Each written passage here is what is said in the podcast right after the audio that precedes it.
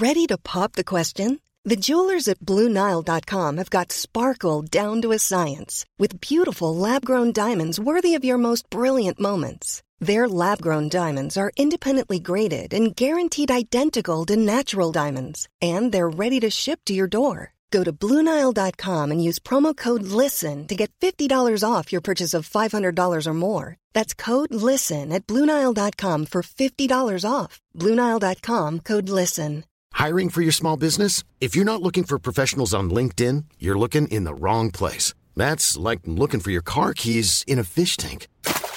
LinkedIn helps you hire professionals you can't find anywhere else, even those who aren't actively searching for a new job but might be open to the perfect role. In a given month, over 70% of LinkedIn users don't even visit other leading job sites. So start looking in the right place. With LinkedIn, you can hire professionals like a professional. Post your free job on linkedin.com slash people today. Planning for your next trip? Elevate your travel style with Quince. Quince has all the jet-setting essentials you'll want for your next getaway, like European linen, premium luggage options, buttery soft Italian leather bags, and so much more. And it's all priced at 50 to 80% less than similar brands. Plus, Quince only works with factories that use safe and ethical manufacturing practices. Pack your bags with high-quality essentials you'll be wearing for vacations to come with Quince. Go to quince.com slash trip for free shipping and 365-day returns. Vi är denna vecka sponsrade av Indie Beauty. Och Sofie, det här tycker jag är extra fint och extra roligt. Ja men Indie Beauty är ju ett skönhetsvarumärke som jag tror att väldigt många känner till, men det jag älskar mest det är att Indie Beauty liksom vill vara mer än bara produkter, vilket de ju också är. Exakt. Indie Beauty står ju för Independent Beauty, skönhet på dina villkor och för din egen skull. Och Indie Beauty tror ju stenhårt på ett alternativt skönhetsideal fritt från måsten, skam och känslor av otillräcklighet. Där är jag helt med Indie Beauty. Jag med. Det är så jag vill att skönhet ska vara. Ja men verkligen. Och vet du vad som är nytt för i år Sofie? Berätta. Från och med i år så skänker Indie Beauty 1% av sin försäljning till Suicide Zero, Tjejzonen och Djurens Rätt. Så när man handlar produkter från Indie Beauty så kan man liksom känna att man också ger tillbaka till samhället. Ja, kraften i tillsammans. Ska jag säga en sak nu då, Mm. som jag, det, men det är detta jag är extra glad över. Nu har Indie Beauty tagit fram en keps och den tycker jag ändå så på sommaren, skydda sig från solen, Jättebra, jag älskar kepsen. men det bästa, de bidrar till Suicide Zeros viktiga arbete för att minska antalet självmord och självmordsförsök. Så för varje såld keps så går hela vinsten, 100 kronor, direkt till Suicide Zero. Då kan man liksom göra nytta både för samhället och sin hud på en och samma gång. Ja, och kepsen kostar 169 men alltså hela vinsten går då som sagt till Suicide Zero. Mm. Så om man vill göra skillnad när man är där ute i solen, nu när den börjar titta fram, då ska man välja den här kepsen. Den säljs exklusivt på indiebeauty.se och på Apotea. Tillsammans kan vi skapa en ljusare framtid. Vi ses med kepsarna på! Tack Indie Beauty. Vi är sponsrade av Mindler och som ni säkert vet sedan tidigare så är vi ju ute på psykologresan tillsammans. Men hur vet man egentligen när det är dags att söka hjälp? Ibland uppstår saker i livet som kommer utmana oss och kännas tufft. Det mesta självläker vi oss igenom, för vi är menade att ta oss igenom en viss mängd påfrestningar. Men ibland behöver man professionell hjälp för att ta sig ur jobbiga perioder i livet. Men vart går då gränsen? Vad är en del av livets skavighet och när är det läge att söka hjälp? Det sägs till exempel att stress är farligt, men att det också kan vara bra. Alla sover dåligt ibland, så när har man egentligen sömnproblem? Ångesten kommer väl krypande för de flesta någon gång. Så när ska man se ångesten som outhärdlig? Hur vet jag? Med oss som psykolog har vi såklart min gamla psykolog Linnea Seidbrant. Men Linnea, vad är egentligen utmattningssyndrom? Utmattningssyndrom är en konsekvens av svår och långvarig stress utan möjlighet till återhämtning. Vi är ju då skapta för att klara av stress, men vi behöver också återhämtning. Om du utsätts för för mycket stress under en lång period utan att du får till den nödvändiga återhämtningen så kommer kroppen till slut att säga ifrån. Och det är faktiskt så att alla har en gräns. Du kan drabbas av en rad fysiska eller psykiska besvär som trötthet, sömnproblem, hjärtklappning, besvär från magen och tarmarna och mycket annat. Och det här är ju då varningssignaler och tecken på att du kan behöva göra någonting åt din situation. Annars så kan besvären utvecklas till att du mår så dåligt på sikt att du blir psykiskt och fysiskt utmattad. Ladda ner Mindler till din telefon och läs mer på mindler.se.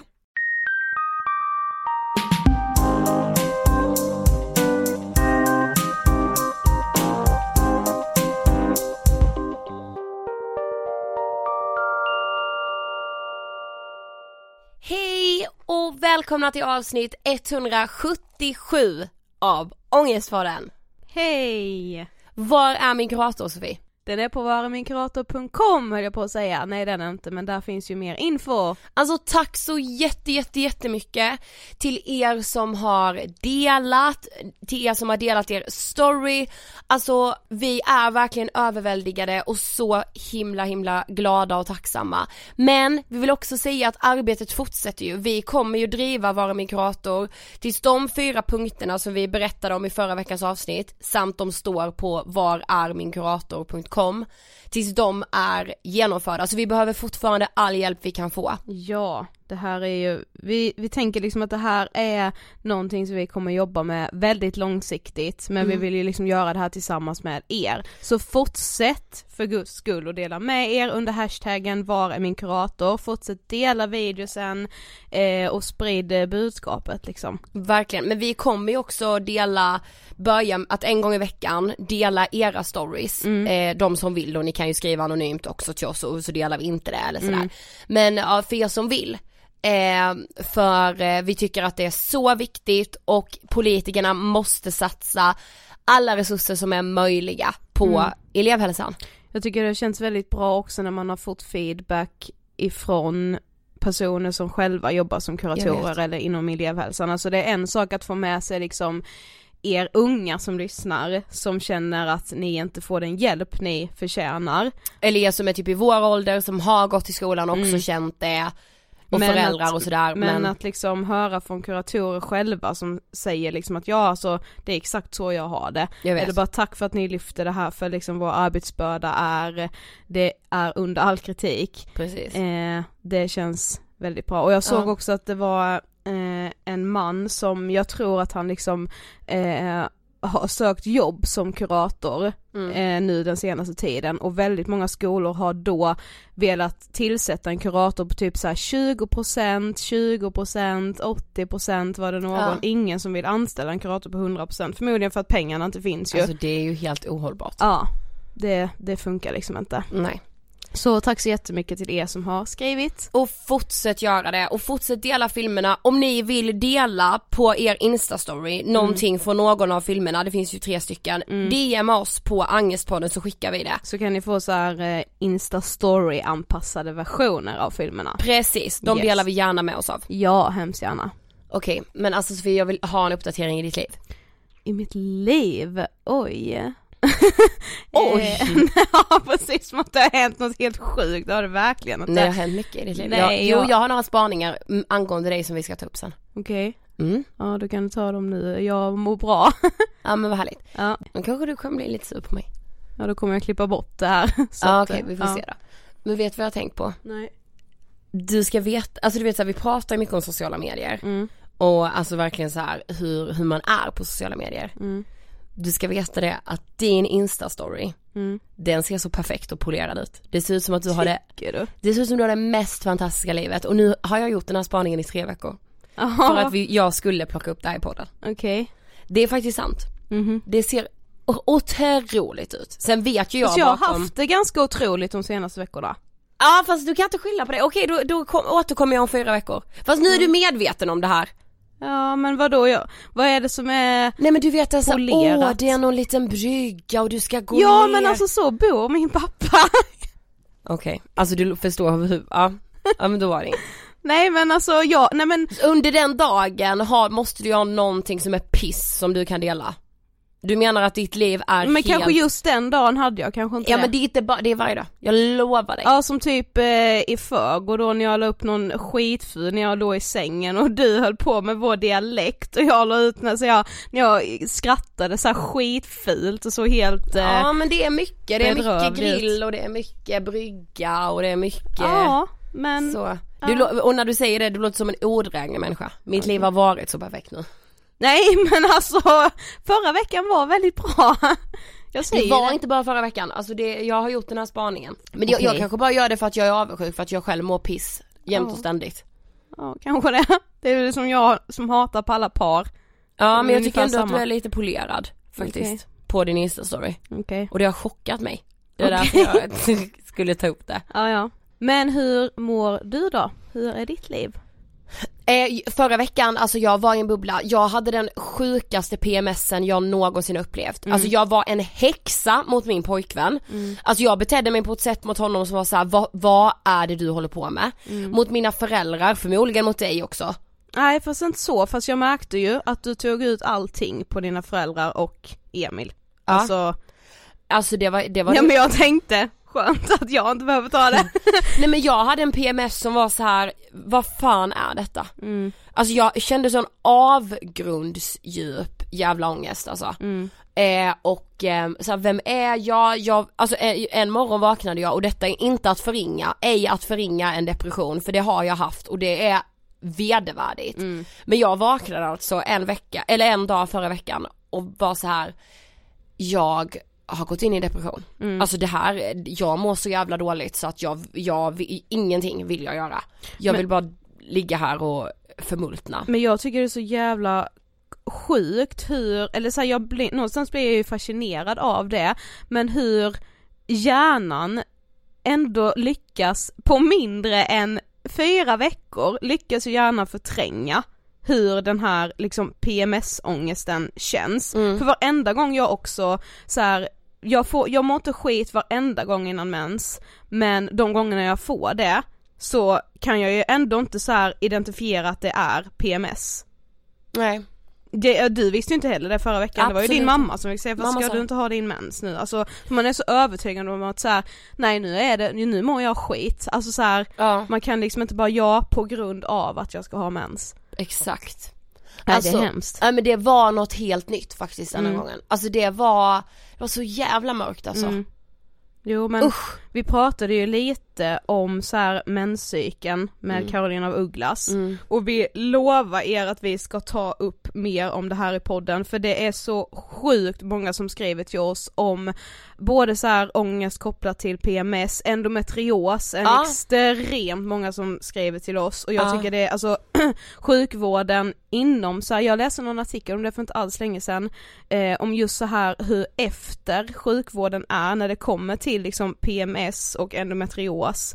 Eh, Alltså tänk om män hade haft mens, fattar du att vi, man hade fan sluppit ha mens Ja. om det hade varit männen som hade hade det. man. Ja, det, jo, det var, jo det var en bok jag läste det här. Och det är så jävla jävla sjukt och hemskt och att det är, vi vet ju att det är liksom jättemånga kvinnor som driver frågan om endometrios och Ja. försöker liksom så här. och jag, alltså jag tycker det är så hemskt att ni själva som är i skiten är de som ska behöva driva det här. Mm. Men ja, ja, vi ser er och tycker ni är så jävla grymma och vi lovar att vi ska ta upp det här, mer om det här i podden. Och jag har insett att jag nog hade, har det också. Ja. Eller så här, innan jag började med p-piller, Mm. men nog om det. Mm. Eh, på tal om sjukdom tänkte jag säga. Ja.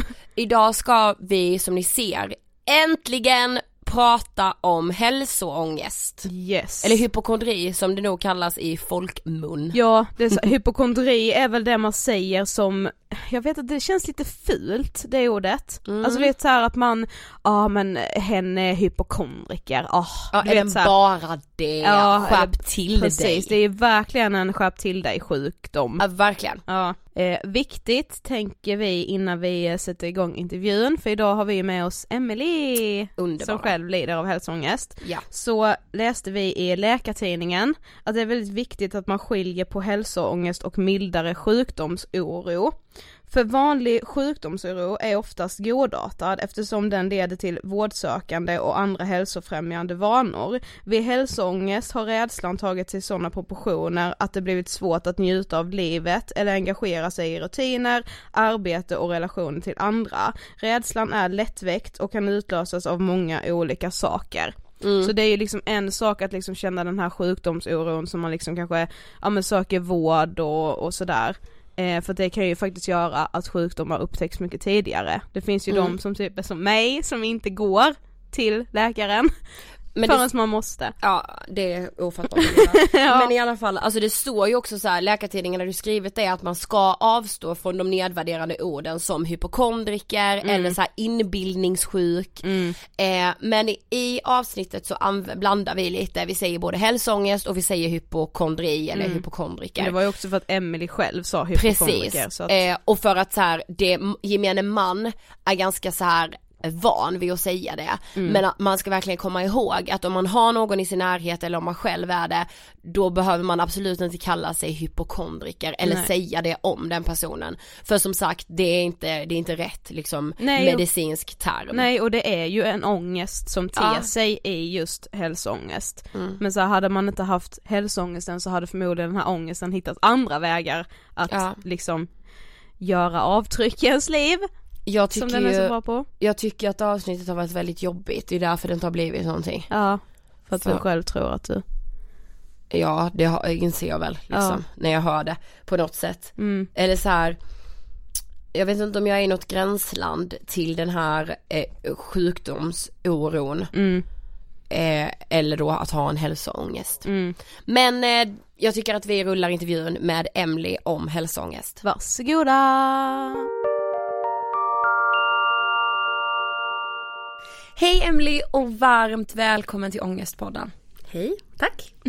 Alltså jag måste bara säga, vi har ju en hund med oss. Ja, Ja det är ju så mys. som ligger här och sover nu. Mm. Solveig. Lite snarkningar kanske Ja. ni hör i bakgrunden men det är bara så gulligt. Ja men det är så mysigt.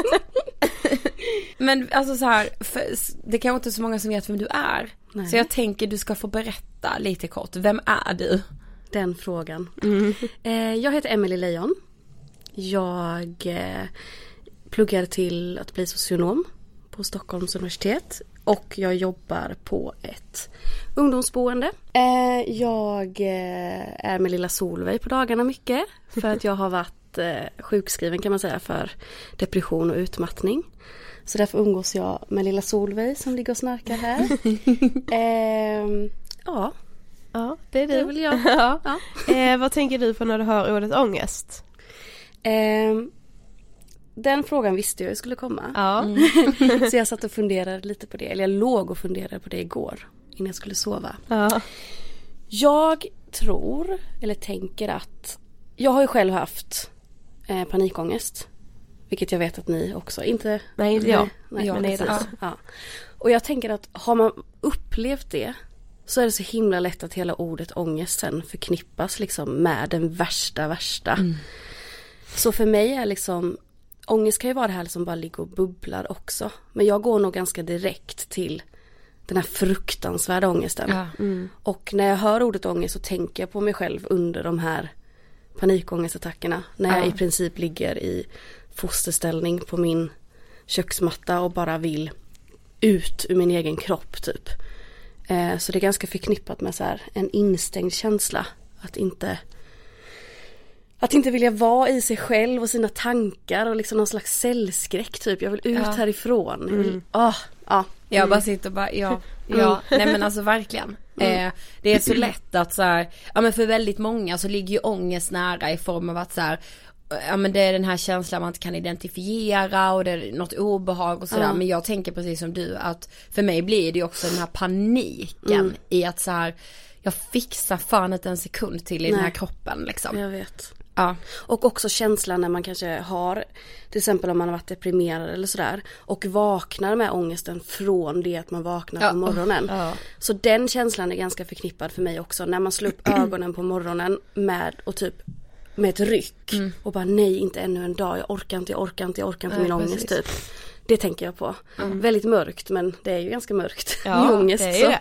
Verkligen. Ja. Alltså jag tänkte på en sak som vi bara sa innan som var så fint. Att du liksom sa att Solveig, din hund, att Mm. den liksom är som en terapihund. Det var så jävla fint. Ja. Jag har suttit och tänkt på det nu och bara gud. Men jag, jag vet inte om ni känner igen er men när man är väldigt mycket så här att man vill dona och fixa och lösa Mm. saker. Alltså lite det här duktig flicka. Och även när man blir utbränd och deprimerad då så vill man ju verkligen försöka hitta lösningen. Ja. Först kanske man ligger däckad ett tag men sen ska det börja donas och man ska liksom lösa det här och så. och då satt jag ju och läste på massa forum och då var det mycket så här, hund är så bra. Ja. Ehm, och så började jag googla på det där och sen så liksom, jag kan inte skaffa hund nu för att det är jag inte i skick till. Åh, jag blir dagmatte. Och fick jag kontakt med Solveigs ägare Ingrid och sen delar vi lite nu. Jag har henne i veckorna och funkar så bra. Ett tips. Ja, Ja, ja. så jäkla Ja. bra grej. Ja, men Då verkligen. behöver du inte ha huvudansvaret men du kan ändå hänga med en hund. Ja och- du får Precis. liksom ändå Ja. kärleken. Och du är inte själv. Du Nej. liksom hör henne ligga där och snarka liksom. alltså, ja. Det är väldigt Ja. bra. Men alltså idag så ska vi prata om hypokondri eller alltså hälsoångest som det ju heter. Det lärde min psykolog mig. För hon sa så här, nej man säger inte riktigt hypokondriker längre. Man gör ju det i folkmun som det heter. Men diagnosen kallas ju för hälsoångest. Hur skulle du beskriva det? Jag hade typ inte hört hälsoångest innan. Jag tänker också hypokondri. Eh, så jag kommer säkert säga det. Ja, ja, ja. Det är Eh, så. okej. Ehm, för mig är hypokondri en otrolig rädsla för att drabbas av en dödlig sjukdom. Så typ. Och för mig så handlar det om cancer. Och jag vet att det är så här olika saker för olika personer. Men jag har nog, för mig har det varit cancer liksom i olika delar av min kropp. Alla delar. Olika veckor och så vidare. Men det kan ju vara att man är rädd för liksom om man om hjärtat börjar slå snabbt, att man är rädd för hjärtattack och sådär. Eh, och jag tror att det är, det är ju väldigt kopplat till ångest eftersom det man inte vet tycker jag när man växer upp det är att ångest kan ge så himla mycket fysiska symptom. Jag vet. Så det är ju så ihopkopplat med det för du kan, du kan inte förstå att att, du, att kroppen kan reagera på det här sättet av ångest, av något som bara är i din hjärna. Så du, Precis. du går direkt till sjukdomarna liksom. Ja. Så tänker jag kring det. Så. Ja. Men hur började din eh, hypokondri eller hälsoångest?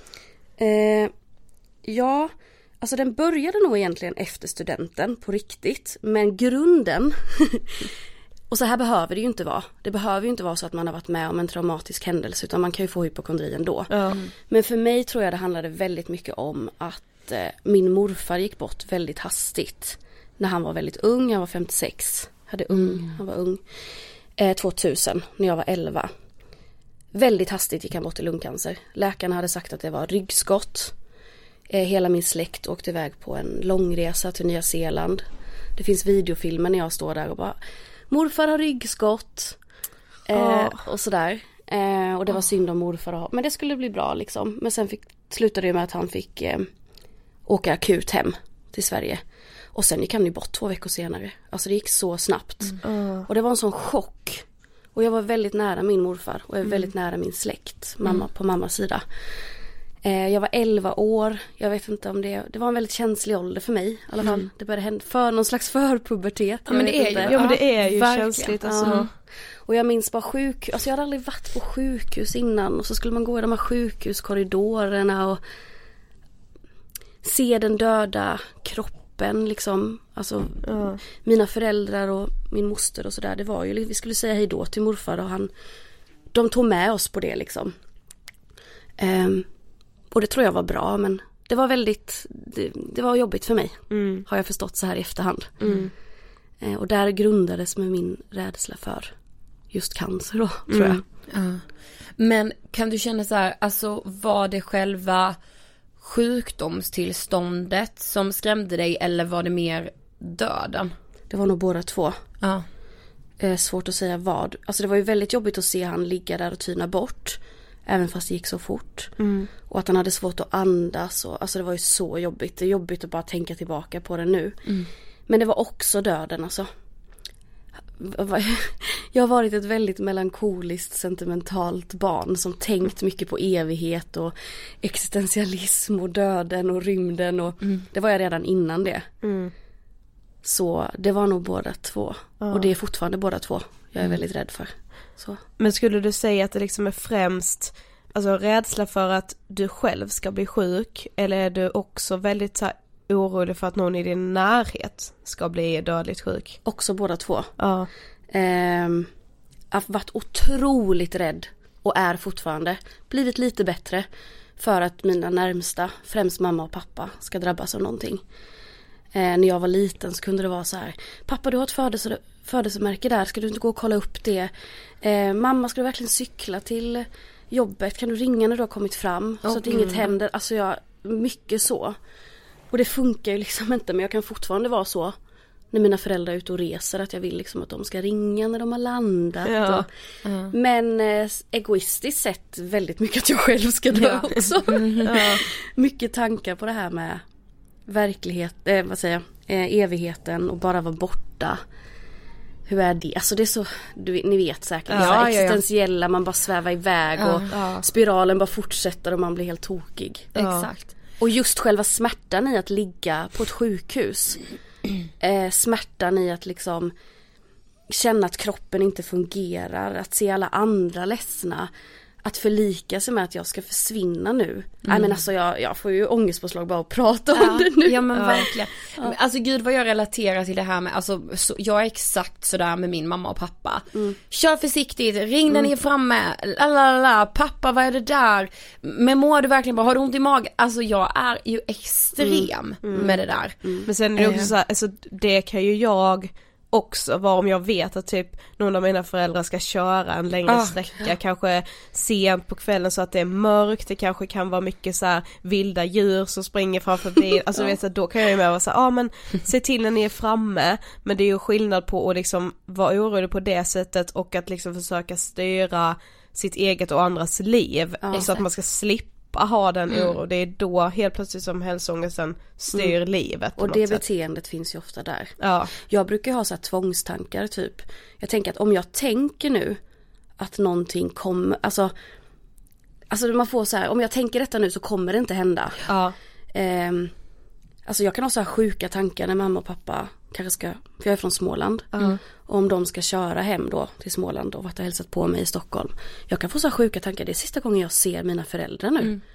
Alltså det får, vad är det? Ja. Alltså att man ska behöva gå runt och tänka så, det är ju, ja. Och så tänker jag, om jag har tänkt så nu så kommer det inte hända och så blir det någon slags tvångs, Ja. ah, ja.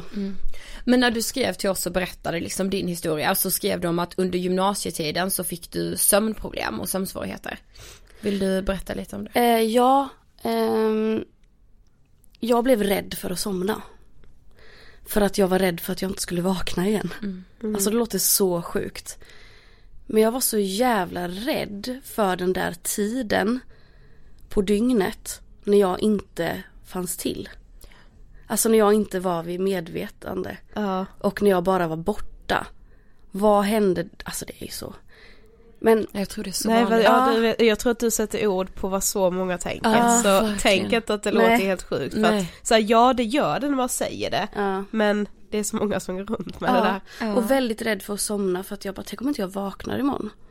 Väldigt rädd att somna om jag åkte bil, typ tänk om vi kraschar när jag eller på flygplan, somna när jag flyger. För tänk, alltså mycket sånt. Rädd för att inte vakna typ. Ja. Mycket så.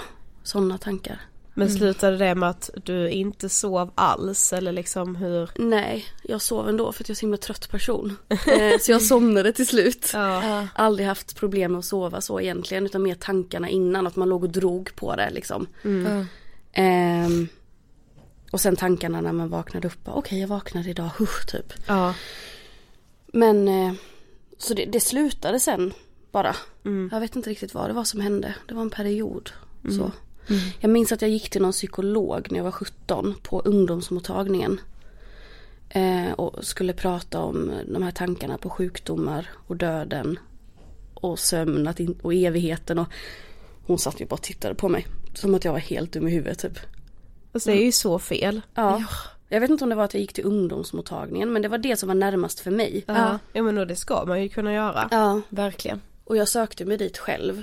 För det ligger ju på Storgatan i Växjö där. Ja. Och då liksom visste jag var det fanns. Och Precis. så var det lättast att gå upp där. Och Hon förstod mig inte alls. Alltså det var, ing- det var liksom. Så jag gick därifrån och bara nej. Och sen var det som att det gick över. För att hon inte förstod så det kanske, jag vet inte. Men sen kom det tillbaka så det var ju inget liksom. Nej. Ja. Men gud vad eh, jävla tråkigt. Ja, Nej men jag blir bara. bara så här, fan. Mm. Ja. Det var som att hon var van vid att man kanske kom och pratade om typ. Sex. Ja men typ. Ja men det känns ju lite så. Ja. Kan jag få lite kondomer tack? Ja men det var väl det som hon Började, satt jag där och började prata om så här hela existensen och världen, liksom jorden och hon bara men Det var en djup 17-åring det där. Ja, gud ja. Men alltså när man lider av hälsoångest så, alltså det vanligaste är ju ändå att man så här, man söker hjälp hela tiden för att man är så övertygad om att man är sjuk. Och sen så får man då ett besked av läkaren att säga, nej men alla provsvar är bra. Och så blir man lugn för typ fem sekunder. Och sen så hittar man något nytt att vara orolig över. Ja.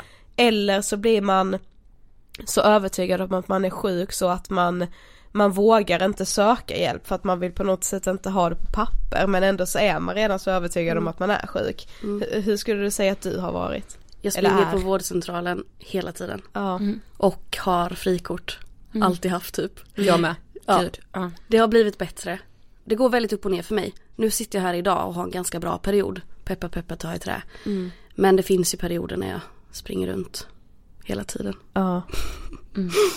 Ja men jag vet verkligen hur det är. Nej det ska jag inte säga för jag, jag vet inte om jag skulle eh, få diagnosen hälsoångest men eh, jag kan verkligen känna igen det där. Och alltså jag kan ju hitta saker varje vecka liksom. Ja, ja. Det, alltså det vet ju du så vi Ja. som verkligen bor med mig och så här och nu är det det och nu är det det. Mina föräldrar vet ju också det nu. Ja. Att så här, ha nu är det en ny grej liksom. Alltså för, ja. Och det blir ju en lite liksom Det kan ju bli ett litet skämt i ens kompis Exakt, ja, verkligen. Och det tycker jag är både positivt och negativt. Eh, Det är positivt på det sättet att ibland funkar det att skratta bort saker. Ja. Och säga typ, aha förra veckan hade jag ju lungcancer men denna veckan är det eh, ändtarmscancer liksom. Ja. Eh, samtidigt som det också faktiskt är en sjukt jobbig grej att ha. Och att det skämtas bort. Och det är så otroligt låg status på att ha hypokondri eller hälsoångest. Alltså det är ju så här, men kom igen. Jag vet. Det är ju en typisk sån diagnos. Jag vet inte om det är det, det är det va? Ja, Jag gjorde lite så kaninöron men jag vet inte. Ehm, som inte står så hög, högt i kurs. Nej verkligen inte. Nej. För det är inte jättekul att komma till vårdcentralen och sen så slår de upp sin journal och så står det hypokondri där. Nej, Ja, det är ju en precis. förbannelse egentligen. Ja. verkligen. Så egentligen vill man ju inte ha det Nej. i journalsystemet. Precis. Men jag tänker så här, alltså kan du bli så här, för det vet jag ju själv, ja, men som när jag började med p-piller, då, alltså jag, en vecka senare så har jag ju en blodpropp, det vet jag ju liksom. Ja, ja. Alltså Gud, ja. allt så här, åh gud, jag läser någon liten biverkning på någon tablett på Alvedon och då har jag det. Eh, kan du, alltså kan du känna igen det ja, också? gud ja. Eh, jag har ju ätit antidepressiv medicin sedan jag var 20. Jag är 29. Nej men gud. Nej det var, jag var nog 21, 22. Ja men det är länge i alla fall. Ja. Jag har slutat och börjat och slutat och börjat men eh, det har funkat bra för mig. Men när man ska börja äta dem där Ja. och läser bipacksedeln, alltså det är ju liksom och så går jag direkt till de här som är jätteovanliga också. Jag vet jag med. Gud jag med. Åh. Som är så här en på tusen. Nej Ja. alltså en på typ så här en miljon. Ja. Och det är så sjuka saker, jag kan inte ens komma på vad det står nu. Nej men, det, nej men det är så här extrema. Ja. Så här utslag, du svullnar igen i halsen och Ja, sånt. och Alltså. hår, tappa allt hår. Ja och precis. Hitan och ditan. Eh, absolut. Jätte, jättejobbigt med biverkningar på läkemedel. Ja. Men ändå så, Men eh, kan man inte bara låta bli att läsa bipacksedeln tänker jag då? det där säger en som inte är hypokondriker. Ja, ja men jag är inte det. Jag är Man söker, jag skojar med dig. Man söker ju sig till fakta om Ja. sjukdomar. Man är ju så otroligt intresserad. Ja, Alltså jag har ju, jag kan ju allt om alla sjukdomar typ i hela världen. ja jag men har det ju skämtade googlat. vi om senast typ i förrgår när vi Ja, gick på att stan. jag Jag hade hade, kunnat- bara, jag hade ju kunnat jobba på apoteket och dela ut Gud, medicin, ja. vad heter det, farma... Farmatolog va? Ja. Eller Ja. farmaceut, ja jag vet Ja. inte, något sånt heter det ju. Ja. Jag tror jag hade kunnat det, för jag det kan ju, Ja. alltså för ibland kan jag ju känna så när jag har någon där på apoteket att säga nej, du vet de, klickar inte de medicinerna? Och jag vet Och ibland frågar jag saker som jag egentligen vet. Ja. Bara för att jag vill. Åh gud, jag också, verkligen. Jag vet ju det här till 100%. Det går inte att låta bli. Och det är likadant när man får ett hypokondriskov. När man känner en knöl i bröstet till exempel. Mm. Spiralen neråt börjar liksom. Eh, och eh, steg två skulle jag säga är ju att sätta sig på google. Ja, ja. Mycket alltså, flashback och familjeliv. Ja. De två som står högst i kurs när man ska. Sen kommer man in på bloggar när någon kanske har fått cancer och så får man följa dens tid till slutet. Alltså det är en sån nedåtgående spiral men man kan inte sluta. Alltså det är Nej. som en slags tvångsbeteende. Ja. Och det är för att man sitter och söker på något sätt en försäkring om att jag inte har det. Ja, jag fattar. Men det funkar inte så. För Nej. att allt kan du läsa in som att du har det. Ja. Men du sitter där och frenetiskt trycker för att du Du scrollar frenetiskt för att du vill hitta ett tecken, en försäkring på att du inte har Ja. den sortens cancer du tror att du har. Men det funkar inte så. Nej. Men så här, vad har du sökt hjälp för? Och, alltså du, du behöver ju inte rabbla, alltså Nej. du vet så här, men om du alltså, Det blir ju en lång lista om jag ska rabbla. ja, men, är- jag bara tänker lite så här exempel liksom. Exempel. Alla cancerformer skulle jag säga. Eh, olika lungcancer när jag hade tryck över bröstet. Vilket är ett typiskt ångestsymptom. Det var så det började lite för mig. Att jag sökte på sjukhus i London när jag bodde där. För att jag hade så svårt att andas. Kunde inte ta djupa andetag. Och då sa de att det var ångest. Eh, en gång när jag gick på toa så var det blod i hela toaletten. Eh, trodde jag hade fått mens. Nej, det kom liksom från röven. Och paniken som uppstår liksom. Nej, då har jag ändtarmscancer. Alla har väl haft lite liksom, det pratar man inte om, alla har väl lite analsprickor och hemorrojder liksom. Ja. Eh, men det hade inte jag haft då, så då var det panik. Bröstcancer, eh, mycket hjärntumör har varit på fokus, mycket. Mina olika leverfläckar, eh, leukemi med alla mina blåmärken. Ni hör ju, Ja. Ja. Ni hör. mycket. Ja. Men alltså, ehm, vi läste också att många som har hypokondri eller hälsoångest eh, har ofta någon i sin närhet som de söker sig till som ska liksom bekräfta ändå att man är frisk. Alltså det kan ju vara en familjemedlem eller en nära vän eller så här, men någon som liksom ska säga att nej men du är inte sjuk. Mm. Eh, har du någon sån person som du Ja. alltid liksom bara kan du bekräfta att jag är frisk? Alltså min, en av mina bästa vänner, Fanny, läkare. Åh, Oj, oj, oj. Hon alltså får varit- nog, hon är ny- nyutexaminerad då. Mm. Eh, under hela hennes eh, studier och så. Är ju en trogen så. Patient. Ja, patient verkligen. Ehm, så henne har det väl varit mycket. Ja. Och hon, läkare är ju mycket bara nej, det är inget, får jag känna? Och så börjar hon trycka lite på brösten, bara nej, får jag se födelsedagsmärket, födelsedagsmärket, födelsemärket, Ja. klämmer lite, tittar lite, det växer ett hår där, då är den frisk. Mycket så. Mm. Men litar du på henne då? Ja, alltså verkligen. Ja. Ja. Hur länge? Ja precis, alltså Ja. några minuter. Nej Ja. men jag litar på henne och hon lugnar mig. Men samtidigt så vet jag ju också att hon är ju läkare och min vän. Vad ska hon säga liksom? Ja. Eller fast hon är väldigt ärlig, hon skulle nog säga bara Emelie jag skulle gå och kolla upp det. Det tror jag. Men hon, Och så men vet man ju också vilken panik som hade... precis, så man vet ju inte riktigt där, det får väl hon svara på egentligen. Men, eh, och innan dess har det väl varit mina föräldrar mycket, men det har jag slutat lite med nu. Alltså jag är snart 30 och får sluta hålla på och ringa mamma och bara eh. Ja. Alltså det kanske föräldrar är till för på ett sätt, men jag vill inte oroa dem heller och hålla på, så nu försöker jag. Det blir Fanny och sen blir det Google, men det är ju inte Nej. så bra. Hiring for your small business? If you're not looking for professionals on LinkedIn, you're looking in the wrong place. That's like looking for your car keys in a fish tank. LinkedIn helps you hire professionals you can't find anywhere else, even those who aren't actively searching for a new job but might be open to the perfect role. In a given month, over 70% of LinkedIn users don't even visit other leading job sites. So start looking in the right place. With LinkedIn, you can hire professionals like a professional. Post your free job on linkedin.com/people slash people today. Everyone knows therapy is great for solving problems, but getting therapy has its own problems too, like finding the right therapist, fitting into their schedule, and of course, the cost. Well, BetterHelp can solve those problems. It's totally online and built around your schedule. It's surprisingly affordable too. Connect with a credentialed therapist by phone, video, or online chat, all from the comfort of your home. Visit betterhelp.com to learn more and save 10% on your first month. That's BetterHelp H E L P. Hey, it's Ryan Reynolds, and I'm here with Keith, co star of my upcoming film, If, only in theaters, May 17th. Do you want to tell people the big news?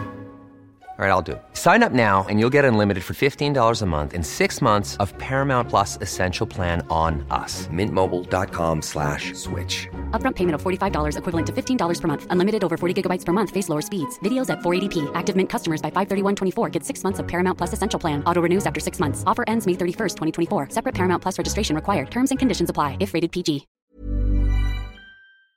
Men alltså många som lider av hälsoångest eller hypokondri då har ju svårt att till exempel se på tv eller så här höra om någon annan som är sjuk för att det blir så här okej okay, nu känner jag alla de här symptomen Mm. själv. Mm. Kan du relatera till det? Ja. Vissa perioder jättejobbigt. Vissa perioder fascination. Ja. Kan inte sluta. Men jag vet att det gick någon serie på SVT nu som handlade, det var något halvår sedan tror jag, eller om det var, de följde några som var dödssjuka. Alltså ni hör ju. I det sista skedet i deras liv. Alltså jag bara, du vet jag såg bara den där liksom det fönstret där och bara oh my god. Ja men det, det skulle jag, det skulle jag inte klara av att titta på. Nej. I vilken fas jag än var. Alltså Nej, det är nej. så jobbigt för mig. Alltså vet jag svimmar ibland av att bara gå till ett sjukhus. Åh gud. Alltså det är liksom, ja det är, så, det är därför jag behöver terapi för det här. Mm. Någon måste KBT skiten ur mig. Ja. För jag kan inte ens gå till ett sjukhus Där är jag ju tvärtom. Det är min Okej. tryggaste plats. Okej. Där är jag så här, nu, här räddar de mig. Ja. Alltså, sjuk, alltså jag skulle kunna spärras in på ett sjukhus och vara så lugn. Ja. För då tänker jag så här, nu, nu bara räddar de mig. Förstår den känslan. Mm. Jag tror att det, de gånger jag har svimmat och så. Det är mitt jobb för att jag jobbar ju med Jag har jobbat väldigt mycket med ensamkommande. Mm. Och jobbar ju på ungdomsboende nu. Och på skyddat kvinnoboende. Och det är mycket ledsagning till sjukhus. Ja. Eh, både med barn och vuxna. Mycket med barn har det varit. Eller ungdomar då. Och då ska jag på, på något sätt komma dit som deras stöd. Mm. Som någon slags, för dem, myndighetsperson. Alltså det, Mm. så. Ja, ja. Eh, och då har jag som press på mig själv att jag ska klara det här. Och då är inte jag patienten. Och det är då det har varit jobbigt tror jag. Ja. Alltså det finns så fruktansvärda historier när jag liksom har svimmat av. Mm. När jag sitter med en ungdom och ska hålla henne i handen och hon ska ta blodprov. Men vad har hänt, alltså vad, vad händer, då får de ta hand om dig? Alltså det var fruktansvärt. Jag vaknar upp av att den här flickan eh, precis kommit till Sverige från Eritrea. Står och baddar min panna med en våt handduk. Och det är fullt pådrag av sköterskor i rummet. De lägger mig på en bår. Alltså det är en så sjuk historia. Men det blev fint till slut för vi låg och höll varandra i handen där på varsin bår. Och det var som att hon fick lite energi av att jag visade mig svag också. Ja. Så att det blev nästan fint istället faktiskt. Men det är en väldigt rolig historia som vi har skrattat mycket åt. Men hur skulle du liksom säga att eh, läkarna då har liksom behandlat dig? Alltså när fick du ens veta att det var hälsoångest du led av? Hur många gånger hade du liksom sökt hjälp för cancer på diverse ställen då? Mm. Det var nog när jag hade flyttat till Uppsala efter studenten. Som när jag började få, när jag gick in i min första depression. Och fick panikångest första gången och sådär. Och då var det kopplat till att jag förstod inte att alla de här fysiska symptomen kunde komma av ångest. Mm. Eh, jag vaknade en morgon och att halva mitt ansikte var typ bottomnat. Mm. Eh, söker mig givetvis till vårdcentralen och har ju panik när jag kommer Mm. dit. Och där började liksom. Eh, då sa de väl inte hypokondri för då var jag ju som säkert du känner igen, man söker sig till vården första gången när man har Ja. panikångest och så. Ja, verkligen. Och sen fortsätter man och sen kanske fjärde, femte gången kanske de anar onåd liksom. Mm. Anar oråd, onåd. Ja. Ehm, jag vet att det står i min journal nu, jag har sett det. Det står hypokondri. Ja. Ja. Men hur kändes det då liksom? Det är ju lite jobbigt. Ja. Vad är det? Vad, vad, vad händer? Mm. Alltså det blir liksom så här, man ser det i bokstäver liksom. Ja. Eh, och det är inte så alltid så kul för jag, då blir jag ju orolig att de inte tar mig på allvar heller om det skulle vara något. Mm. Ja. Och så sätts den där tankesnurren igång. Mm. Men skulle du säga att du ändå har blivit bra behandlad av de läkare du har? Jag tycker faktiskt att jag har blivit det ganska Ja. bra. Första gången när jag fick panikångest och så. Eh, och var väldigt yr hela tiden. Eh, jag tror många kan känna igen sig i det. Just när man blir deprimerad och har ångest. Att det är så tröttande för hjärnan så till slut så blir man väldigt yr och nästan lite så här som man lever i en bubbla. Eh, man kan inte riktigt ta in intryck och liksom, man finns inte riktigt i världen känner man. Och då var jag jätteorolig för att det kunde vara en hjärntumör eller så. Men då var de väldigt så här, ja nej men du får göra en MRT-röntgen på hjärnan så att vi kan utesluta det här. Och så fick jag en tid ganska fort. Eh, och överlag så, så tycker jag att jag, ja jag tycker faktiskt ganska bra. Mm. Visst, vissa läkare har väl ibland bara nej det är inget. Ja.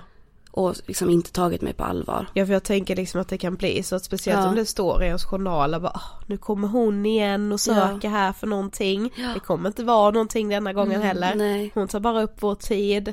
Mm. Men samtidigt så är det ju en annan sjukdom man söker för Ja då. precis. Alltså, Och det är det jag faktiskt är ganska förvånad över.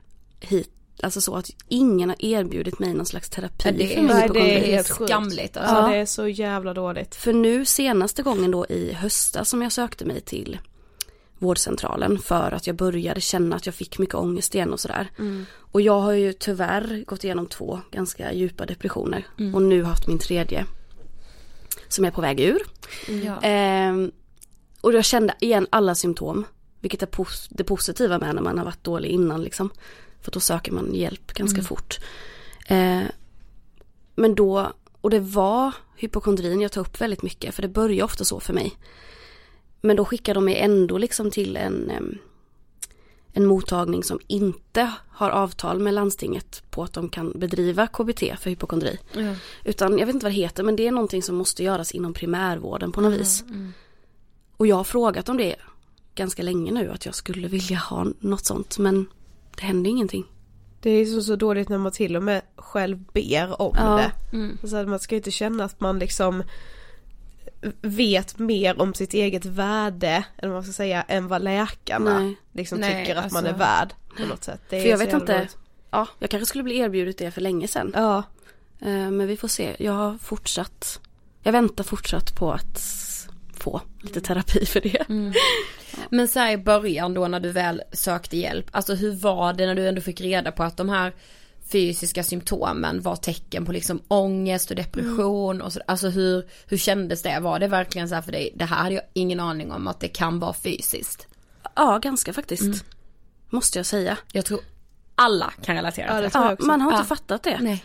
Alltså jag hade en period, sommarlovet, sommarlov, efter studenten, sommaren efter studenten när jag började verkligen känna av att jag mådde dåligt. Det var mycket drama med killar hit och dit, kompisgäng som eh, Liksom det var mycket. Och jag minns att min mamma sa till mig, Emelie du måste ta det lugnt nu för man kan bli sjuk av det här. ja. Jag minns att hon kom in och sa det när jag låg och grät i min säng för typ hundrade gången den sommaren.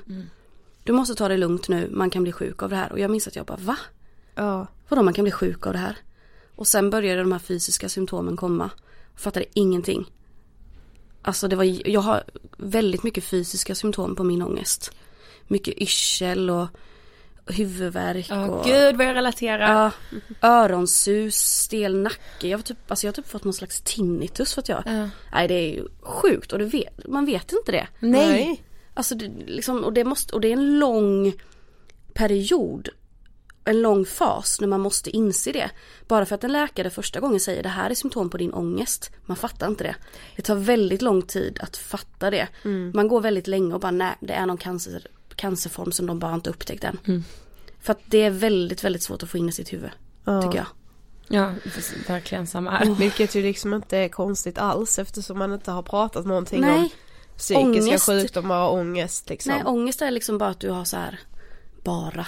Men man trodde liksom, ja ah, ångest, lite så här dålig känsla i magen och lite så här, man kanske börjar gråta men att Ja man, men man tänker mer att det är så här själsligt. Ja, Och mm, att själen och kroppen är typ två olika saker. Och då tänker man att så här, fysiska symptom är ju, då har, är det ju något fel i kroppen. Ja. Och liksom men då att man när man har ångest då är det något i själen och att det Ja. är två olika saker vilket ju inte Men nu är. börjar man ju fatta att det hör ihop. Ja. Och det har man ju inte fattat innan. Nej. Alltså psykologin på gymnasiet, det var ju mycket bara diagnoser och Ja. Nu minns inte jag supermycket men jag tror inte man pratade så mycket om så här allmän ångest och vad det Nej. kan. Det har vi sagt så många Vi gånger. pratar inte ens så här panikångest, Nej, alltså nej, galt, alltså alltså, så här- inget så. Vi, hade, vi läste både liksom psykologi A och B som det hette då, jag vet inte vad det heter idag om det är Ett samma. och två tror jag. Ja. jag vet inte. Eh, men liksom, det är klart att vi pratade om, jag minns att vi pratade mycket om så här liksom sorgbearbetning när man typ ska gå igenom en eh, separation var det då hur, med de här olika stegen. Vi fick ju också göra liksom egna arbeten och då fick man ju välja själv. Vissa valde ju så här ätstörningar, alkoholism eh, och så här. Men just så här ett helhetsbegrepp på psykisk ohälsa och ångest. Nej. Aldrig. Nej nej. Och det är ju därför man inte fattar att det kan hända en själv. Nej, på något precis, vis. För att det är de här, precis. jag vill inte säga extrema diagnoserna. Men Nej. det finns ju liksom verkligen mer uttalade diagnoser efter kriterier och så Mm. vidare. Och så finns det den här allmänna ångesten som alla lider av. Alltså det borde man ju pratat om mer. Ja. Men hade du någon gång, jag tänker liksom ändå eftersom att du har googlat ganska mycket, hade du någon gång slagit dig eller hade du någon gång läst någonstans om någon annan som hade hälsoångest och att tanken hade slagit dig att ja men jag kanske faktiskt lider av hypokondri eller går det liksom på något sätt att så här sätta ord på den här känslan, alltså den här övertygelsen om att så här denna gången är det cancer. Det är bröstcancer nu för den här knölen liksom kan inte vara något annat. Mm. Jag har vetat vad det var. Jag, min farmor eh, har också haft mycket kon- hypokondri. Ja. Har. Eh, och jag är väldigt lik min farmor Mm. på jättemycket, många sätt. Eh, I min ångest och allt sånt där. Ehm, så då har jag ju vetat om det lite så för vi har pratat om det. Ja. Eh, men oavsett om du vet om att du har hypokondri. När du väl hittar den där knölen i bröstet. Du tappar all vett och sans. Ja, Det finns, alltså du glömmer allt. Alltså du, du går in i någon slags, jag vill inte säga psykos för det är ett all, allvarligt ord. Men alltså man går in i någon slags, det blir din sanning. Du har bröstcancer nu. Du, du, du blir gal, alltså du, du tror ju det. Det är bara sanningen liksom. Sen kommer man kanske ut ur den här onda spiralen på andra sidan och bara men gud vad höll jag på med? ja. Ehm, och den kan man ju komma ur antingen genom att söka eller att man bara hittar någon slags vett och sans Ja. på något vis. Men det, är liksom, det spelar ingen roll. För när du hamnar där, då är du där. Och då kan du inte tänka klart. Nej. Men du skrev också till oss att dina depressioner verkligen har börjat med så här hypokondriskov. Ja. Kan du berätta? Senaste gången nu till exempel i höstas, då är det ju för att jag har varit utbränd. Eller utmattad då. För att jag har eh, pluggat 100% och jobbat 70%. Ehm, och också har min ångest som jag har. och blir extra känslig då när jag är stressad. Och då börjar det ju med huvudvärk och yrsel denna gången. Och att jag har väldigt, väldigt oregelbunden mens. Så jag sökte mig till en gynekolog. Och då upptäckte man att jag har högt prolaktinvärde som det heter. Och eh, det är ett ämne som produceras uppe i hypofysen. Ni hör ju vad jag googlat. Eh, I hjärnan. Och då ville man utreda ifall jag hade en hypofystumör. För att det kan man ha då. För att man har högt prolaktin. Och den är egentligen ofarlig. Men när man hör ordet tumör. Ja det, och det tror jag till inte, och med jag låter ja, det. det behöver ja. man inte ens vara hypokondriker för att tycka Nej, är jobbigt. det, är- det är ett äckligt ord. Det är ett fruktansvärt ord men det behöver ju inte alltid vara cancer. Nej. Nej. Så där började det att jag gick på utredning för det. Och sen hanterade de det väldigt dåligt tycker jag. Det var inga bra läkare jag fick träffa. Det tog väldigt lång tid att få den här MRT-röntgen när man skulle se om jag hade en tumör. Eh, och där i den vevan gick jag in i en depression igen. Så det började liksom med det. Och jag tror faktiskt att om det inte hade hänt, för jag, jag bromsade så pass tidigt och kände av alla symptom och liksom gick ner i, arbe- eller gick ner i arbetstid och så vidare. Då tror jag inte jag hade börjat må så dåligt. Nej. Så det är alltid en utlösande faktor, det som får mig att tippa över kanten liksom. Ja. Så. Så det börjar väldigt, väldigt ofta med det. Mm. Men skulle du säga liksom att eh, din hypokondri har styrt ditt liv, alltså undviker du saker för att till exempel inte bli allvarligt sjuk och så här. Inte så mycket i och med att jag kanske inte är så jätterädd för så här. Jag vet att man kan vara hypokondriker och vara rädd för ja men till exempel som du, vad heter Mm. ett, Emotofobi, Ja. då är det ju att man är så rädd för att kräkas. Precis, och då kanske man undviker viss mat eller Ja, att liksom inte äta när man är ute. Ja, du var jag. eh, eller om man typ är rädd för, ja men någon slags bakterier. Ja, jag är inte bakterierädd, inget sånt, Nej. utan det är ju mer allvarliga sjukdomar i min kropp. Mm. Och det är inte samma undvikande. Nej. Nej. Sola i och för sig eh, kan ha varit en grej. Inte nu längre för jag använder, jag solar men jag har mycket solskyddsfaktor och så. Ja. Men någon resa minns jag att jag bara, nej men jag ska inte vara i solen överhuvudtaget. Men det kanske, jag vet inte om det är dåligt undvikande Nej beteende. Men ni faktiskt, förstår. alltså det är så här, Ja, solskyddsfaktor ska alla ha. Ja men Ja, exakt. Som solar. Precis. Ja. Men det kan vara någon gång att jag tänkt när det här för länge sedan var uppe på tapeten med att man kunde få cancer av strålningen från mobilen. Ja. Då kunde jag väl vara, titta lite så skeptiskt på min mobil och lägga den lite längre bort. Ja. Men, men inte så mycket så. Nej. Nej. Men skulle du säga att du ändå har lärt dig att hantera din hälsoångest bättre? Alltså egentligen inte. Nej. Alltså just nu när jag sitter här idag så hör ni ju att jag kan skratta lite åt och så. Ja. Eh, Men det är för att jag inte är inne i en spiral, som jag kallar det. Men igen, nej. Nej. Alltså även fast jag vet de här sakerna nu och eh, jag har läst mycket om hypokondri och pratat om det mer nu till exempel. När jag hamnar i spiralen så är det lika, lika illa som innan liksom. Ja. Så att nej, faktiskt inte. Men Tyvärr. vi har ju fått extremt mycket önskningar om att ta upp det här ämnet. Mm. Vilket ju tyder på att det är väldigt många som lider av det. Jag Mm. tror att du har satt ord på väldigt mycket som många känner. Mm. Men har du ändå någonting som du liksom skulle vilja säga till andra som också hamnar i de här spiralerna eller alla kallar det säkert olika men liksom andra som Mm. lider av hypokondri. Alltså jag önskar ju att jag kunde göra det. Det enda som jag vet att alla säger och som jag också brukar upprepa, googla inte. Det är typ regel nummer ett. Men jag vet hur svårt det är att låta bli. Men att man försöker. Jag har ju gått i terapi för andra saker och då pratade vi om just de här onda spiralerna och att man försöker se spiral. Alltså du är medveten om att du brukar hamna i den här spiralen. Ja. Och när det börjar hända så kan det vara väldigt bra att sätta ord på det. Okej Emily. Alltså man kan typ vara lite så här, prata för sig själv. Ja. Nu börjar du tänka så här. Att du har den här cancersorten igen. Okej, spiralen där, ja, var befinner jag mig i den? Ja men det är panikartat här, nästa steg är ju googla. Ska jag googla? Nej, jag borde inte googla. Alltså att man liksom på något Ja, sätt precis. liksom sätter ord på det och går utan sig själv, utom sig själv lite och försöker titta ner på sig själv. Och säga till sig själv att nu händer det här igen. Mm. Försök låta bli att googla det här. Exakt. Men det är lättare sagt än gjort vissa gånger. Vad gör Ja. du i det tänkte jag? Ja, men jag gör nog samma sak, att jag försöker liksom bryta den spiralen så fort som möjligt. För att liksom inte, alltså så här, distrahera mig med någonting annat. För ångest är ju så, ångest är ju liksom inget tillstånd du alltid kan vara i. Nej. Den här panikartade ångesten, den lägger ju sig. Eh, och när man är där i stunden så tror man verkligen inte det. Man tror att så här, det här är mitt tillstånd från och med nu tills det att jag har googlat och blivit försäkrad om att så här, nu har jag inte det här. Eller vad den må vara. Eh, men att försöka precis som du säger Emily, att så här, bryta den så fort som möjligt. Eh, och ja, men så här, distrahera sig med någonting annat. Kom med tanken om att man exempelvis har någon cancer. Okej nu är de tankarna här. Att så här, acceptera det någonstans. Inte i någon panik. Så, här, "Ah, de måste försvinna, jag tänker på något annat. Så här, nu är de här, nu ska jag inte googla. Nu sätter jag mig och kollar på min favorit tv-serie eller vad fan som helst. Eh, men att någonstans försöka bara bryta det så tidigt som möjligt. Vara medveten också om att så nu händer det. Nu är jag där. Acceptans är ju det bästa. Ja. Men jag vet att det är så svårt. Det Men det är skillnad svårt. på att acceptera och bara så här. Nu händer det här, okej. Och som du säger, nu distraherar jag mig med något annat. Än att bara, åh nej nej nej nu måste jag tänka bort det här, herregud herregud. Ja. Eller, Alltså att man accepterar att det är så här. Men det är så svårt Ja, ibland. det är så svårt.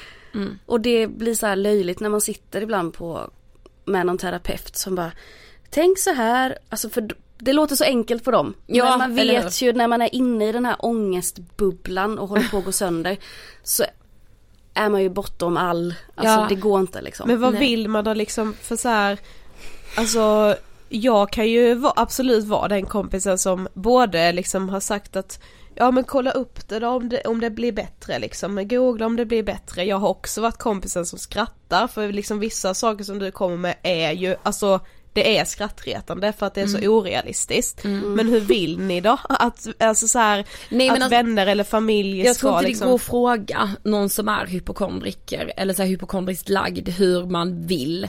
För alltså man vill ju bara få försäkran. Men Ja. det är ju inte bra Nej. för en. Alltså det är ju det spär ju egentligen på ångesten. Ja för jag vet ju när du hade varit hos din psykolog Mm. och du hade fått i uppgift då att säga till mig att Mm. eh, nästa gång du säger att eh, liksom bara så här, lova att jag inte kommer kräkas, Mm. då skulle jag ju säga, nej jag kan inte lova någonting. Ja precis. Mm. Jag tänker också det. Att, eh, att en närstående på något sätt kan så här Istället för att bara nej, men det har du ju inte. Ja. Ha ha ha typ. Att man bara Emily, nu märker du här vad som håller på att hända Ja, igen. Nu börjar, nu börjar du tänka på det här och tänk på vad vi sa förra gången och vad vi sa när du kom ur det där lilla skovet. Och, Precis. Kom du ihåg att vi skrattade åt det och skämtade? Eh, och du vet att du kan, du kan gå och kolla upp det. Men jag kan inte försäkra att det inte är så. Men kom ihåg, kom, ser du vad som händer här nu? Alltså på Ja, något sånt sätt. Verkligen. Mm. Ja. Och ibland tycker jag faktiskt att det är okej att bara skratta lite åt det. Ja. Eh, tycker jag. Jag. Jag kan inte prata för alla men ibland Nej. så kan det vara lite så här skönt bara. När man börjar skratta lite åt det. Men sen tror jag med att det är så viktigt att söka hjälp, alltså i form av typ KBT. Sen verkar det ju vara väldigt svårt att få det och det gör mig så jättesvårt. frustrerad. Eh, för alltså folk lider ju Ja verkligen. men också tänk hur mycket det eh, alltså, kostar samhället att ha Ja, en ja. patient som ju egentligen lider av en typ av ångest men den söker för massa Mm. annat. Jag fattar ju, alltså jag fattar inte att de blir irriterade för jag kan inte förstå hur de inte har kunskapen men så här, jag förstår ju att det blir irriterande att tiden tas upp för någon Ja, ja. som faktiskt är sjuk men att man inte då erbjuder liksom, säger så här bara, nu har du varit här fem gånger och sökt för fem olika typer av cancer. Precis. Det kan vara så att du lider av hälsoångest, då har vi det här för dig. Ja. Alltså erbjud någonting som Händer gör, ju inte. nej men förstå hur kostsamt det är för Ja. samhället i längden. Det Jag är visste helt liksom sjukt. inte. Jaha det finns en viss liksom terapiform för hypokondri. Ja, Det har jag ju själv googlat mig till. ja, Jag har ju också själv så här tittat på böcker, eh, gått med i någon grupp på Facebook, ja. vi med hypokondri typ. Ja. Eh, och där folk tipsar om olika böcker, alltså att man själv ska behöva liksom ja. sitta och läsa. Men så här, det är ju till. inte konstigt att så här, Google blir ens bästa vän, för det är ju Nej. den enda vännen som finns där hela tiden. Det är ju så exakt. lättillgängligt. Ja. Ibland är ju de olika läkarna på 1177 också ens bästa vän. Ja. I svåra, svåra tider. Precis. Ja, ja verkligen. Ja.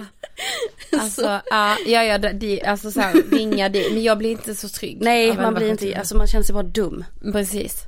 Så, någon Och- gång pratade jag med någon jättegullig som så här, ta det lugnt och na, na, na, och då kändes det bättre efteråt. Men ibland blir det bara, nej det kan, det kan inte jag försäkra dig om. Ja. Ja. Nej men Precis. alltså du får ju gå till vård, varför, alltså, varför Ja för de är väl Så. väldigt såhär bara, jag Ja. kan inte garantera Nej, någonting de- så jag skulle ändå säga att du ska söka hjälp. ja, precis. Ja, Ikväll. Gärna nu akut. Mm. Ja men min eh, kompis, gud vad jag pratar om, läkar-Fanny. eh, hon har ju berättat liksom om unga människor som klockan tre på natten tar sig till akuten. För något blåmärke. Ja. Eller för något liksom så här. Eh, och jag förstår att läkare liksom så här, men gud vi har ju folk som liksom har varit med i bilolyckor Ja. och hjärtinfarkt och där sitter du och liksom vill ha hjälp med något blåmärke vid tre på natten när vi är som mest underbemannade. Ja. Men på något sätt kan ju säkert vi då förstå Ja. att när den ångesten är så stor Precis.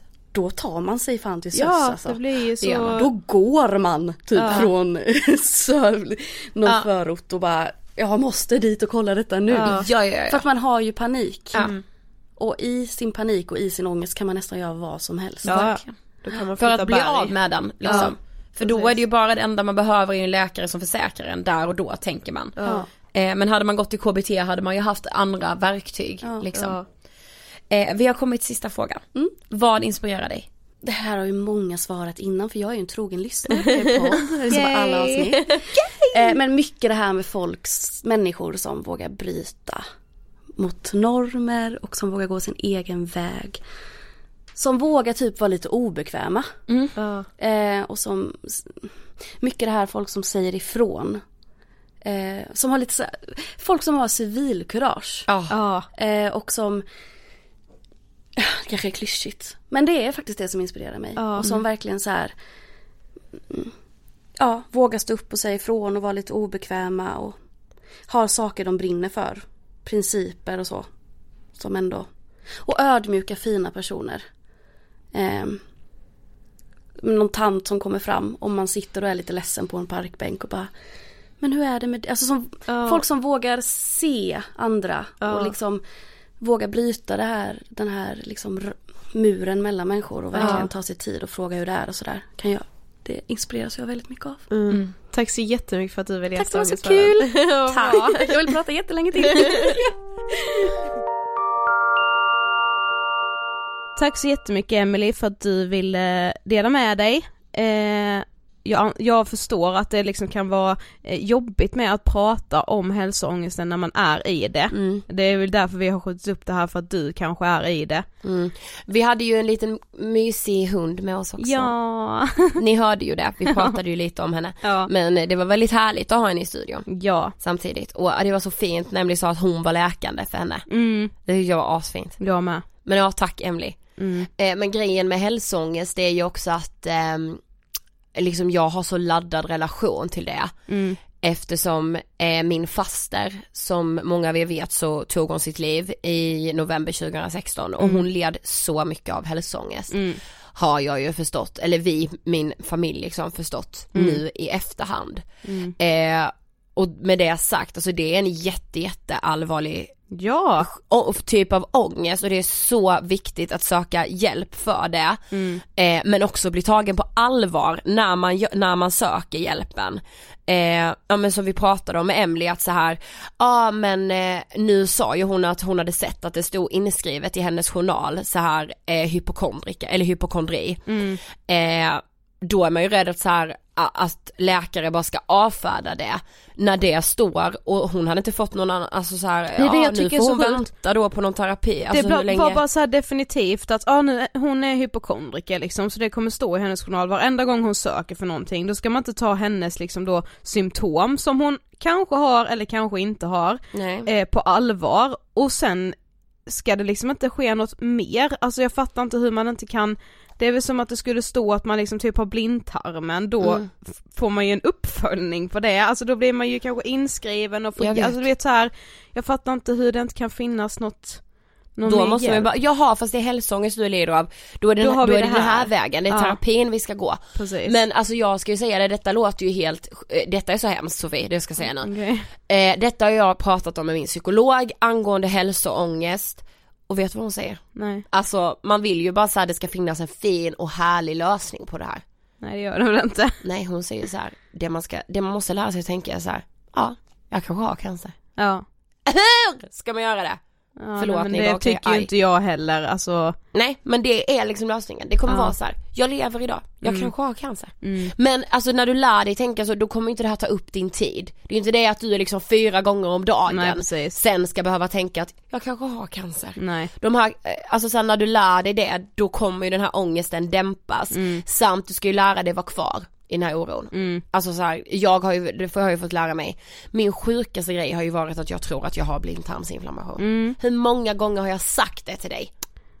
Jag vet faktiskt inte, det är många. Alltså jag och Emil har träffats ett halvår, han bara du säger typ det här varannan dag. Ja. Vad är, alltså nej. Men jag tror det är ju väldigt viktigt också att man så här lär sig att så här, bara för att jag har ont i magen nu så behöver inte det betyda att jag har någon blindtarm eller någon form av cancer i magen utan man kan ju bara ha ont i magen också. Alltså, Du kan ju för fan ha en fis på tvären. Min mamma säger alltid så. Alltså hon säger alltid det här med att bara, du kan bara ha ont i magen, du Ja. vet det liksom. Nej. Mm. nej, nej, nej, nej, nej. Man kan ju ha ätit något som liksom kanske inte var helt hundra men ändå så att man inte blir sjuk av det, man kan vara hungrig, alltså du vet Det Mm. finns jävligt många anledningar till att ha just ont i magen, eller vad det nu är man har ont som leder till att man har cancer där.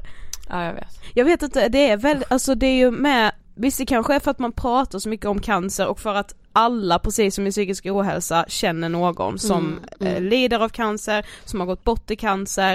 Eh, det kanske är därför det, just cancer är liksom det man tänker att man har. Ja. Det känns liksom väldigt vanligt att det är, så fort man har typ ont i fingret så är det cancer i fingret. Alltså vet, Ja jo absolut, det Mm. har jag tänkt mycket fast jag har varit rädd för alltså mycket annat du har också. också haft typ så här eh, hjärntumörer och så. Ja, men proppar också mycket. Ja, Både i lungan, benen, allt. ja. Det har jag haft flera gånger liksom. Mm. Alltså, ja jag ju. tillhör ju den sorten som du vet, skulle jag upptäcka att jag har en knöl någonstans Ah! i, då hade inte jag sökt hjälp. Jag, alltså det sjuka är att jag är, jag är så, kan bli så förbannad när jag tänker på att mina föräldrar gör också så. De söker typ inte heller hjälp och jag Nej. blir ju skitarg när de inte gör det. Men jag gör ju samma sak själv. Ja det hade gått lång tid innan jag hade sökt hjälp för någonting, alltså ja. Men jag tyckte det var härligt som Emily sa med att så här, vissa dagar kan man skratta åt det, för Mm. det kan ju du och jag också göra. Mm. Men med det sagt, man får absolut inte förringa det. Alltså för det är jätteallvarligt. Mm. Eh, men det är ganska skönt att kunna skratta åt det tycker Mm. jag. Mm. Eh, vissa dagar när Mm. jag liksom har haft det ena och det andra på en dag typ. Ja men det är därför det är så viktigt att prata om att hälsoångest är liksom verkligen en vanlig form av ångest och liksom Och psykisk ohälsa. Ja och är man liksom anhörig då så är, och, och vet att personen förmodligen lider av det här så är det ju liksom också Det är kanske enklare liksom att skämta om det utan att man för den saken skulle förminska det. Mm. Det är ju som, vi har ju sagt det från första början i podden att man så här, man måste kunna skämta om saker utan att för den saken skull förminska det. Mm. Men att man säger då bara, ja men det, det kanske är din hälsoångest som talar nu. Ja. Och säg alla anledningar till att det inte skulle vara det personen tror att den lider av. Ja för samtidigt, där kommer ju KBT igen. Ja. Inte försäkra. Nej. Det är det, för då kommer jag ju ta det som ett beteende, för så har jag ju hållit på. Då kan jag ju ringa mamma mitt i natten och säga så här, jag har jätteont i magen, det kommer vara blindtarmsinflammation, Ja. jag måste åka in och operera nu. Mm. A- att jag då har det som ett säkerhetsbeteende, att ringa mamma och mamma säger så här, nej det är inte det, okej Mm. min ångest dämpas. Mm. Men det gör den ju bara för stunden. Så därför, jag har ju haft det som en grej att, ja, det har vi pratat om i podden angående att jag ska kräkas och det här. Mm. Att mina nära får liksom inte lova det, så ja det kanske är blindtarmsinflammation. Mm. Det har folk överlevt Mm. innan. Precis. Typ alla gör det. Ja. Eller sådär, det kanske är cancer. Mm. Då börjar du en, liksom en behandling för det. Det låter ju, alltså det är så här, det låter så jävla rått. Mm. Men jag tror man måste lära sig det för då kommer liksom ångesten dämpa. Ja och sen någonstans, Dämpas. man kan ju aldrig lova det. Jag kan inte lova dig att du inte har cancer när du har Nej. ont i magen. Eh, men man kan ju säga jag tror inte. Mm. För det kan nog bara vara det här. Exakt. Ja, det blev ett långt avsnitt men det gör nog det inget. blir väldigt långt. Men vi hörs eh, nästa vecka och glöm Yes. nu inte att fortsätta dela på Var är min kurator? Ja, vill ni veta mer och inte ännu har varit inne på hemsidan så är den varärminkurator.com Och jag tänkte bara säga en snabb sak också. Det är många av er som frågar, så ska ni inte ha några politiker?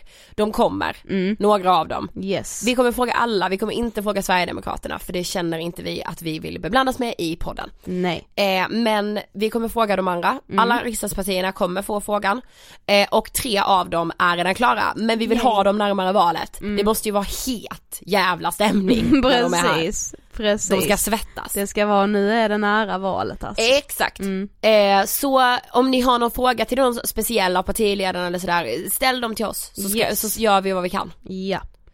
Ha det bäst så hörs vi som vanligt nästa vecka. Hej då!